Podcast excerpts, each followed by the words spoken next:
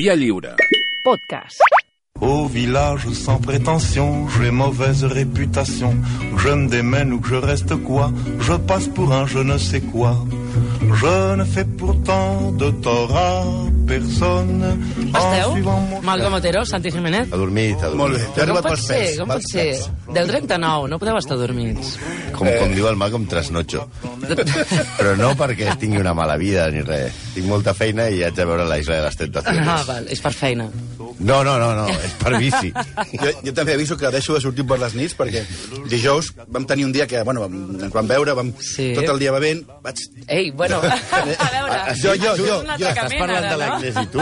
No, no. Perquè jo no hi era el Clar, dijous. No, no, vam veure per una altra cosa. Eh, amb el Però Toni tot el dia bevent. No, jo, jo vaig passar tot el dia bevent. Però després- això és normal. fut- sí, després el futbol. Total, que a les 4 era el llit. I ahir tenia una altra col·laboració de ràdio i semblava que 4 m'havia donat un ictus en directe.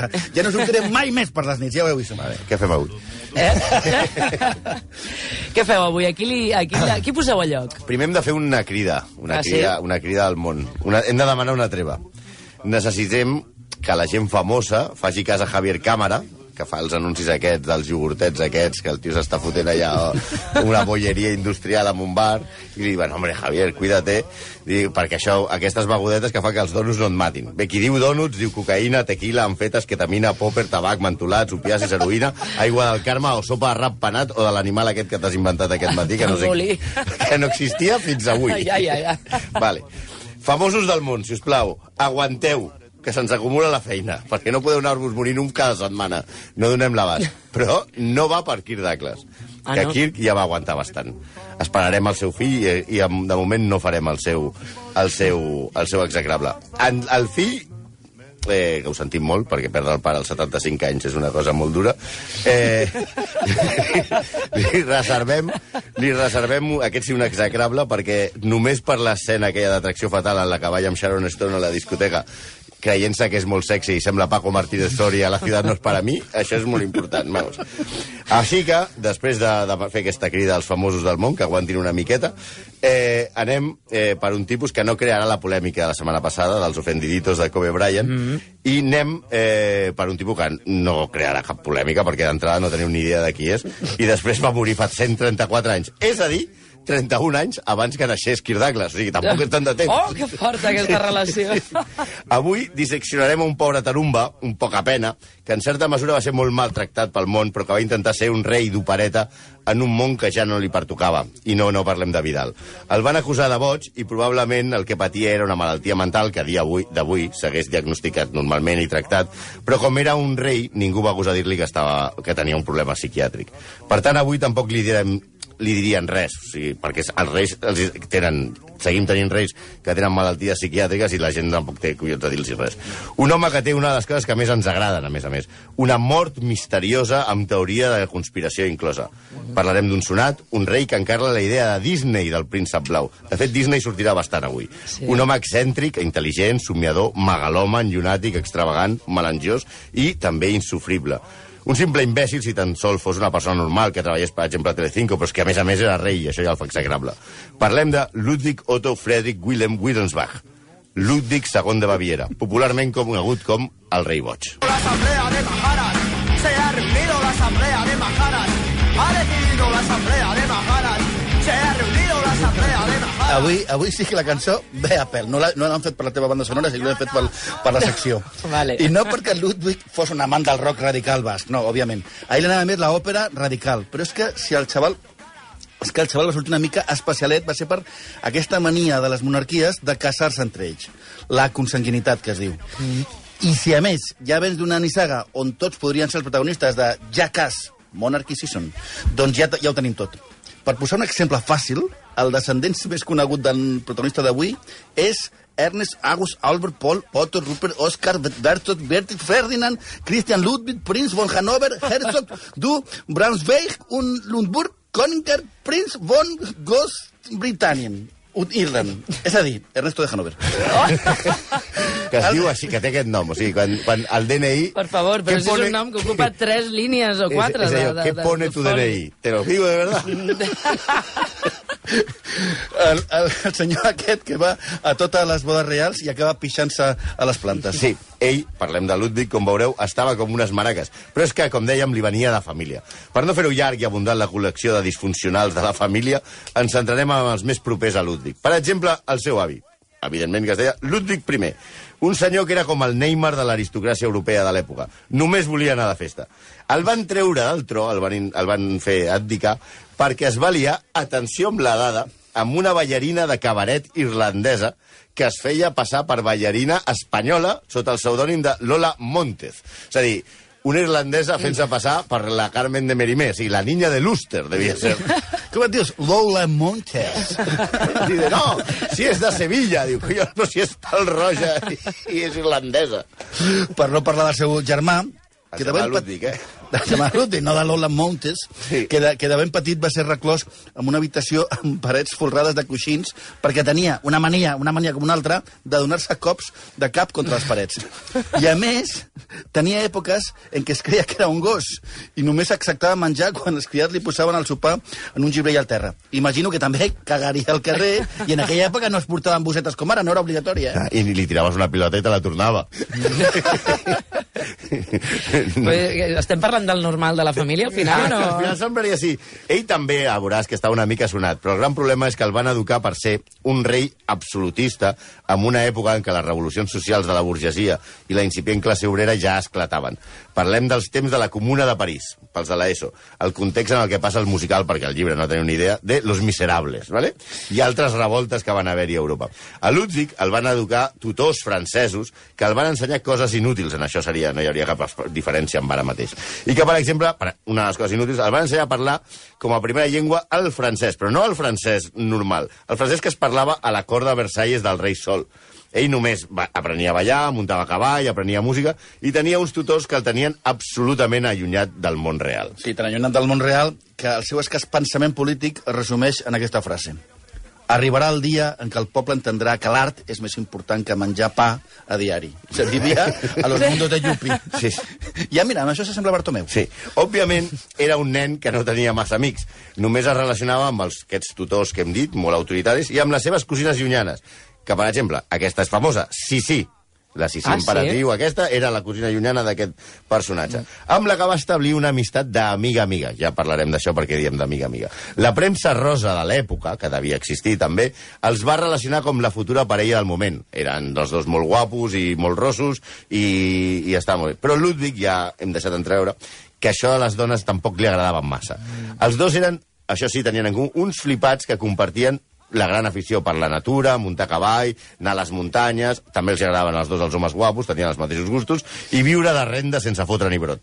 Van mantenir una fluida correspondència en la que ell s'adreçava a ella com a signe i ella, a, ella a ell com àliga, com si fossin la Brimo. Aquí cine, aquí àguila. I tot això, i viure en el món de, de l'emperadriu Sissi, l'emperadriu del consentiment, estaria molt bé sempre que hagués estat un prín, no hagués estat un príncep, perquè el seu pare va morir quan ell tenia 18 anys i va d'haver d'assumir el tro. La política no li interessava res, i mira que aleshores el moment era vital. Prússia, de la mà de, de Bismarck, de von Bismarck, tractava d'unificar Alemanya. I ell era el rei de Baviera, un estat aleshores independent, i li agradava més l'art que la guerra. A més, la seva mare era Maria de Prússia, i Bismarck el va entabanar per entrar en guerra contra França i manegar els seus assumptes. Sí, com ell estava per, per altres coses i això a la política no, va ser un titella per, per part de, de Bismarck, no? va ser fagocitat, era un pardalet.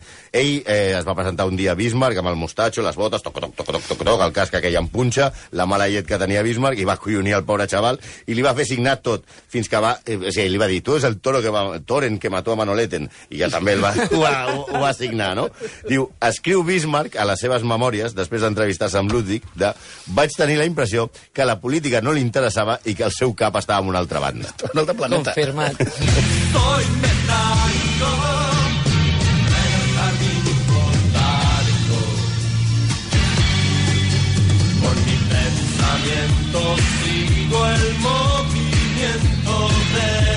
Aquest, aquesta cançó que és l'estàtua del Jardín Botànico de Ràdio Futura, per cert, Ah, això. Ràdio Futura és una de les nostres incongruències perquè nosaltres estem en contra d'admirar la gent, però el Santi i un dia que estàvem sopant amb Juan Perro, Santi Euseron, Sí. semblaven dos fans adolescents. Perro, és el dos. Sí, sí, sí. Molt babosos vam ser. Per cert, Santi, Santiago Auserón ha tret un llibre que es diu Semilla del Son, el llibre del Cultrum, que s'ha de tenir. Ja sabeu aquestes coses que diuen a Nova York, si vas a casa d'algú i no té llibre, no te'l follis, pues, si vas a casa d'algú i no té aquest llibre de, de Santiago Auserón, tampoc. Clar. Bueno, tornem. I és que Bismarck ja podia anar a explicar i les mandangues que volgués, que ell sempre deia que sí. Tu li podies anar... Eh, ell sempre deia que sí. Era com si sí, ell sempre deia que sí. La política l'avorria soberanament. I això no és res dolent, al contrari, també li passava a Rajoy, però el govern de Baviera ja va començar a veure que feia coses rares, que el rei feia Sí? coses rares, sí, sí. Eh, com, per exemple, organitzar sopars amb les estàtues dels seus avant avantpassats. O Com? Es feia muntar, sí, sí, es feia muntar una taula i ordenava que a cada bus dels, dels reis morts de Baviera els hi posés un plat i així podia sopar en silenci amb gent de la seva reialesa. O sigui, quina por. Sí, bueno, en tot cas, sempre Jo, jo, jo, jo. ni es tacaven, ni interrompien, ni res. Sempre pagava ell, això sí. És això és com si Messi fos al Museu del Barça, està allà en, Clar. en Kubala. També va veure com descobria en aquella època la seva sexualitat, que no era la que Uh. la, la gent esperava del rei de Baviera. Ell era clarament homosexual. Va viure des de nen enamorat del seu ajudant de càmera. Atentos al nom de l'ajudant de càmera, que avui anem de noms gerts. Paul Maximilian Lamoral de Zurnum Taxis. De fet, eh, eh, ells junts feien excursions a cavall, llegien poesia en veu alta fins a altes hores, mira, juerga, vamos, una, unes farres que es corraven, bot, botellons llegint a Rilke, imagina, unes coses d'aquestes, i anaven a l'òpera. Però tot es va trencar quan el, la moral de Zurnum Taxis, eh, eh, el del taxis, vull dir, li van començar a agradar les noies i va deixar de fer cas a Ludwig, que va caure amb una gran depressió. Ai. Per culpa també del pin parental d'aleshores, que és el que ara ens volen imposar, Ludwig mai va acceptar la seva homosexualitat. Tot i que es va fer a molts senyors de l'època, com el seu encarregat de caviaristes, Richard Hornig, que vol dir en alemany cornut, fa gràcia, i que va ser també nòvio de l'actor hongarès Joseph Keynes i del noble Anfos Weber, la pressió sobre ell per part de l'Església va ser brutal. En els seus escrits s'avergonyeix de ser catòlic i homosexual. Sí, és aleshores quan els capellans i els nobles que estan al voltant de la gorra el comencen a buscar nòvies per tota Europa perquè es casi i acabi amb els rumors de que era homosexual. I ell s'arriba a prometre amb Sofia, la germana petita de Sissi, però mai es va arribar a casar amb ella, òbviament. A ell li agradaven els homes. I tot hagués sortit molt millor si els capellans i els polítics l'haguessin deixat en pau, perquè amb tanta repressió i venint ja mig tarat d'on venia, va enfonsar Baviera manant com si en lloc d'un país dirigís un cabaret del paral·lelo fos l'Escamillo. Vull dir, molt divertit, però el problema està la gent es moria de gana per culpa de la seva mala política. Rey del Avui, és que avui És elaborem... boníssim com balla el Malcolm sobre la cadira. sí, És que sí. això ho hauríeu de veure, els oients. O no. Sí, som, i, som, i, i jo. A, a veure, que avui... Sí, més o menys. Faríeu bona parella. Podríeu anar a Mira qui baila o una cosa així. No m'importaria. A veure, Ai, tampoc. Que, que avui elaborem una teoria. Una teoria, teoria òbviament, sense cap base. A la segona meitat del segle XIX no havia masses coses per la gent com, com el nostre Ludwig, perquè es divertís. I així que ell es va obsessionar amb la òpera. I no amb qualse- qualsevol òpera, amb les de Wagner. O sigui que ja és, ja és dur. Mm, A ell sí, sí. li hagués molat, era, jo crec que el que a ell li hagués molat de veritat era El Molino. Sí, la, tal i la Manya, ell, i com no hi havia- el Gran Johnson... Però mira, es va haver Una de boa, conformar en, no? Sí. Sí, l'Alemanya, Merchemar, l'Aladi, tots aquests. Però clar, eh, i ell, eh, quan tenia 16 anys, és a dir, quan hauria d'estar el que fan els homes, els nois i les noies normals de 16 anys actualment, veient la isla de les tentacions, o mujeres, hombres i viceversa, Ludwig, en lloc d'anar al Molino a veure aquestes coses, assisteix per primer cop a una òpera de Wagner i ho fa amb el seu, amb, amb el seu estimat Turnum Taxis, que no sé si van anar amb Cabify. Aleshores, i la vida li canvia absolutament. Queda tan obsessionat per l'espectacle que decideix que a partir d'aleshores viurà amb una òpera de Wagner. O sigui, que ell, ell formarà part de les òperes de Wagner. I com és rei, i pot fer el que li surti d'allà baix, diu construirà castells que recrearan els escenaris de Tristan i Solda, dels Nibelungs i les Valquíries. És a dir, es fa com un jugador de rol, però amb pasta i amb poder. Sí, sí, es converteix en el principal mecenes de Wagner quan el compositor passa de la cinquantena i ell no arriba als 20. s'enamora d'ell. És que és molt enamoradís. Ell havia d'anar al Molino, home. I en Richard, on, eh, que, que anava molt de revolucionari i amic de Bakunin i tot, i que després eh, Adolf el convertís un cop mort i sense que ell pogués protestar en el músic favorit dels tontaines de les esbàstiques, s'aprofita i pensa, a bodes en Clar, convides. Wagner el que fa és aprofitar-se de, de, de, de la- de, de que li té Ludwig. Wagner, com a bon músic, tenia molts deutes. I Ludwig, tirant del pressupost de tothom, és a dir, del, del país, liquida tots els, deu, els deutes de Wagner. Diu, bueno, ja havíem dit abans que ell defensava que és més important l'art que la manutenció, la manutenció del poble, i ho va portar a, a, ho va portar a terme. Wagner flipa en com aquest rei és un és com allò que li paga tots els deutes. És a dir, eh, escriu una carta a Wagner en el que diu, parlant de Ludwig, el que era increïble s'ha tornat realitat. El cel m'ha enviat aquest rei, que és la meva felicitat i la meva pàtria tan vell i tan magnífic. M'estima amb el fervor íntim i la força del primer amor. És a dir, que Ludwig havia perdut totalment la xaveta per Wagner i ell, evidentment, diu, ostres, em deixo estimar perquè aquest m'ho paga tot. Wagner el va exprema financerament, va fer que li sufragés al teatre de Bayreuth, que el mantingués a nivell Messi, i fins i tot va fer que li pagués la manutenció també del seu director d'orquestra favorit, i no precisament per amor a l'art, perquè Wagner es punxava la senyora esposa del director i tota la festa la pagava Ludwig el po i el poble bavarès, clar. Sí, Ludwig, alié a tot, es pensava que Wagner li, li corresponia el seu amor perquè la correspondència, per l'ESO volem dir carta, és a dir, els missatges que s'intercanvien s'escriuen WhatsApp. a mà i van amb un sobre. Sí, sí, sí. El, el, el, el, el, el, la correspondència eren totalment pujada de to. Wagner, que a partir d'ara anomenem escalfabreguetes, es dirigeix a ell com el meu estimat íntim i el més, el més dolç dels reis. I Ludwig, tot engorilat, el respon escrivint coses com a el que el nostre amor, que el nostre amor sigui resplendent. Vostè, fidel fins a la mort. Eh, Ludwig, més cursi que un anunci del Palacio del Bebé. Encima las montañas tengo un nido que nunca ha visto nadie. Bueno, I aquí arribem eh, que Ludwig, amb el Però a veure, com, com s'aguanta això, no? Clar, D'aquesta- evidentment, eh, té el cap fet una sopa i decideix, fidel als seus ideals, que ha de viure en els escenaris de les òperes de Wagner. I es gasta primer tots els diners de la família i després els de l'Estat en construir castells fabulosos que arruïnen Baviera. Ojo, l'arruïnen al principi, eh, però ara són els monuments... O sigui, el tio a llarg termini, ara són els monuments més visitats d'Alemanya, aquests Ja. castells de salvajets impressionants que hi ha, no? Si busqueu a Alemanya i voleu trobar algun català, només falta que aneu a un castell d'aquests que sentireu Nena, vine! Teresa, has vist això? Doncs pues això, allò, es- sobretot el que ha dit en Newswenstein.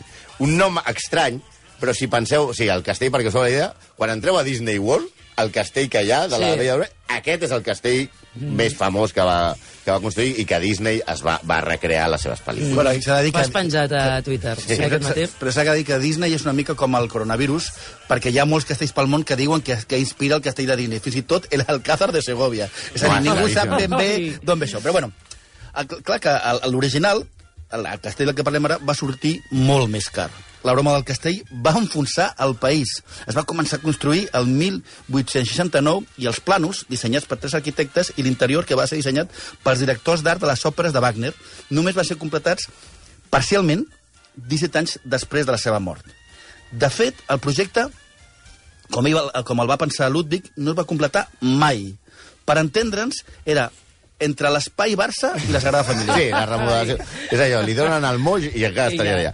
Es va erigir en una zona d'impossible accés per l'època, que va fer necessari fer uns grans contraforts, uns murs enganxats a la muntanya i crear un camí des de la vall al cim on es feia l'obra.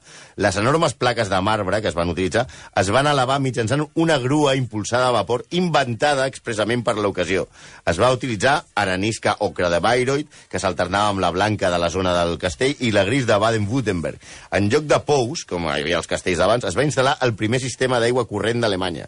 En lloc de xamanelles, es va posar calefacció central, la primera d'Alemanya, que distribuïa aire calent, i això és molt gran, pels, per tubs per calentar la vaixella i que els plats arribessin calents a taula. O sigui, el disseny del dormitori va exigir la feina de 14 fusters durant 4 anys per fer-li el llit, que semblava el monestir de Ripoll, aquell llit. Tot i que ell preferia dormir al ras, a, la, a, la, a aquest seu amor a la natura, ell li van fer... O sigui, 14 fusters fent-li fent un llit, I ell agafa i se'n va a dormir a fora a- al bosc perquè dormia en el seu trineu de forma de gòndola, tipus Frozen, que li tiraven quatre cavalls blancs. El tio era, un, era d'hòstia, realment. Tot això Molt mentre al poble se li començaven a omplir les pilotes.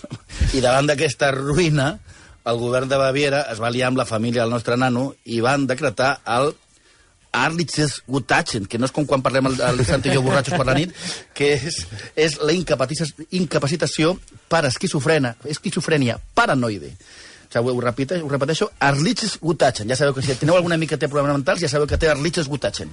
Ja estaven farts de les excentri- excentricitats del rei i el tiet Luitpold va signar la incapacitació i el pobre Ludwig el van tancar a un dels seus castells aquests de Disney sota la supervisió de Johann Berhan Borguden, un famós psiquiatre de l'època.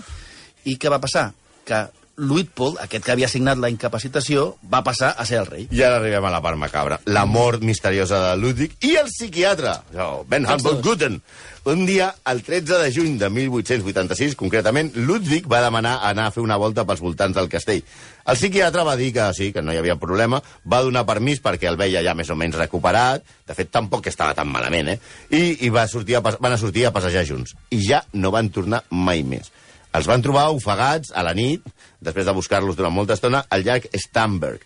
La versió oficial és que es va, que es va decretar va, va ser que Ludwig es va suïcidar llançant-se al llac i que el psiquiatre es va ofegar mirant de rescatar-lo. És a dir, no, té, o sigui, no s'aguanta massa, eh? tampoc diem, perquè, si, i, i que es veu que el psiquiatre va intentar rescatar-lo i no sabia nedar.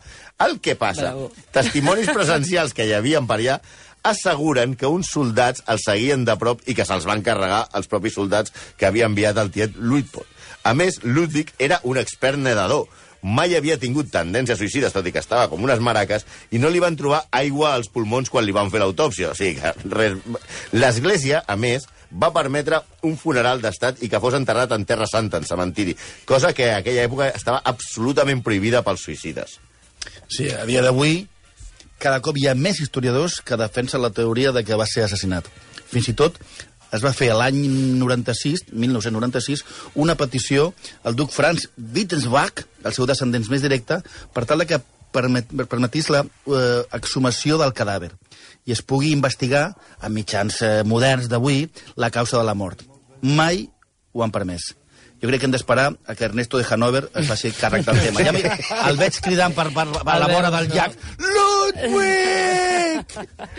Jo vull saber com acaba la relació epistolar amb Wagner. O sigui, No, vull, Wagner- vull, vull saber com, com descobreix que allò no el- està... No, no està... uh, li fan veure, perquè com Wagner tenia idees molt revolucionàries, el, a la família de Ludwig a fa que signin un decret i expulsen a Wagner de Baviera.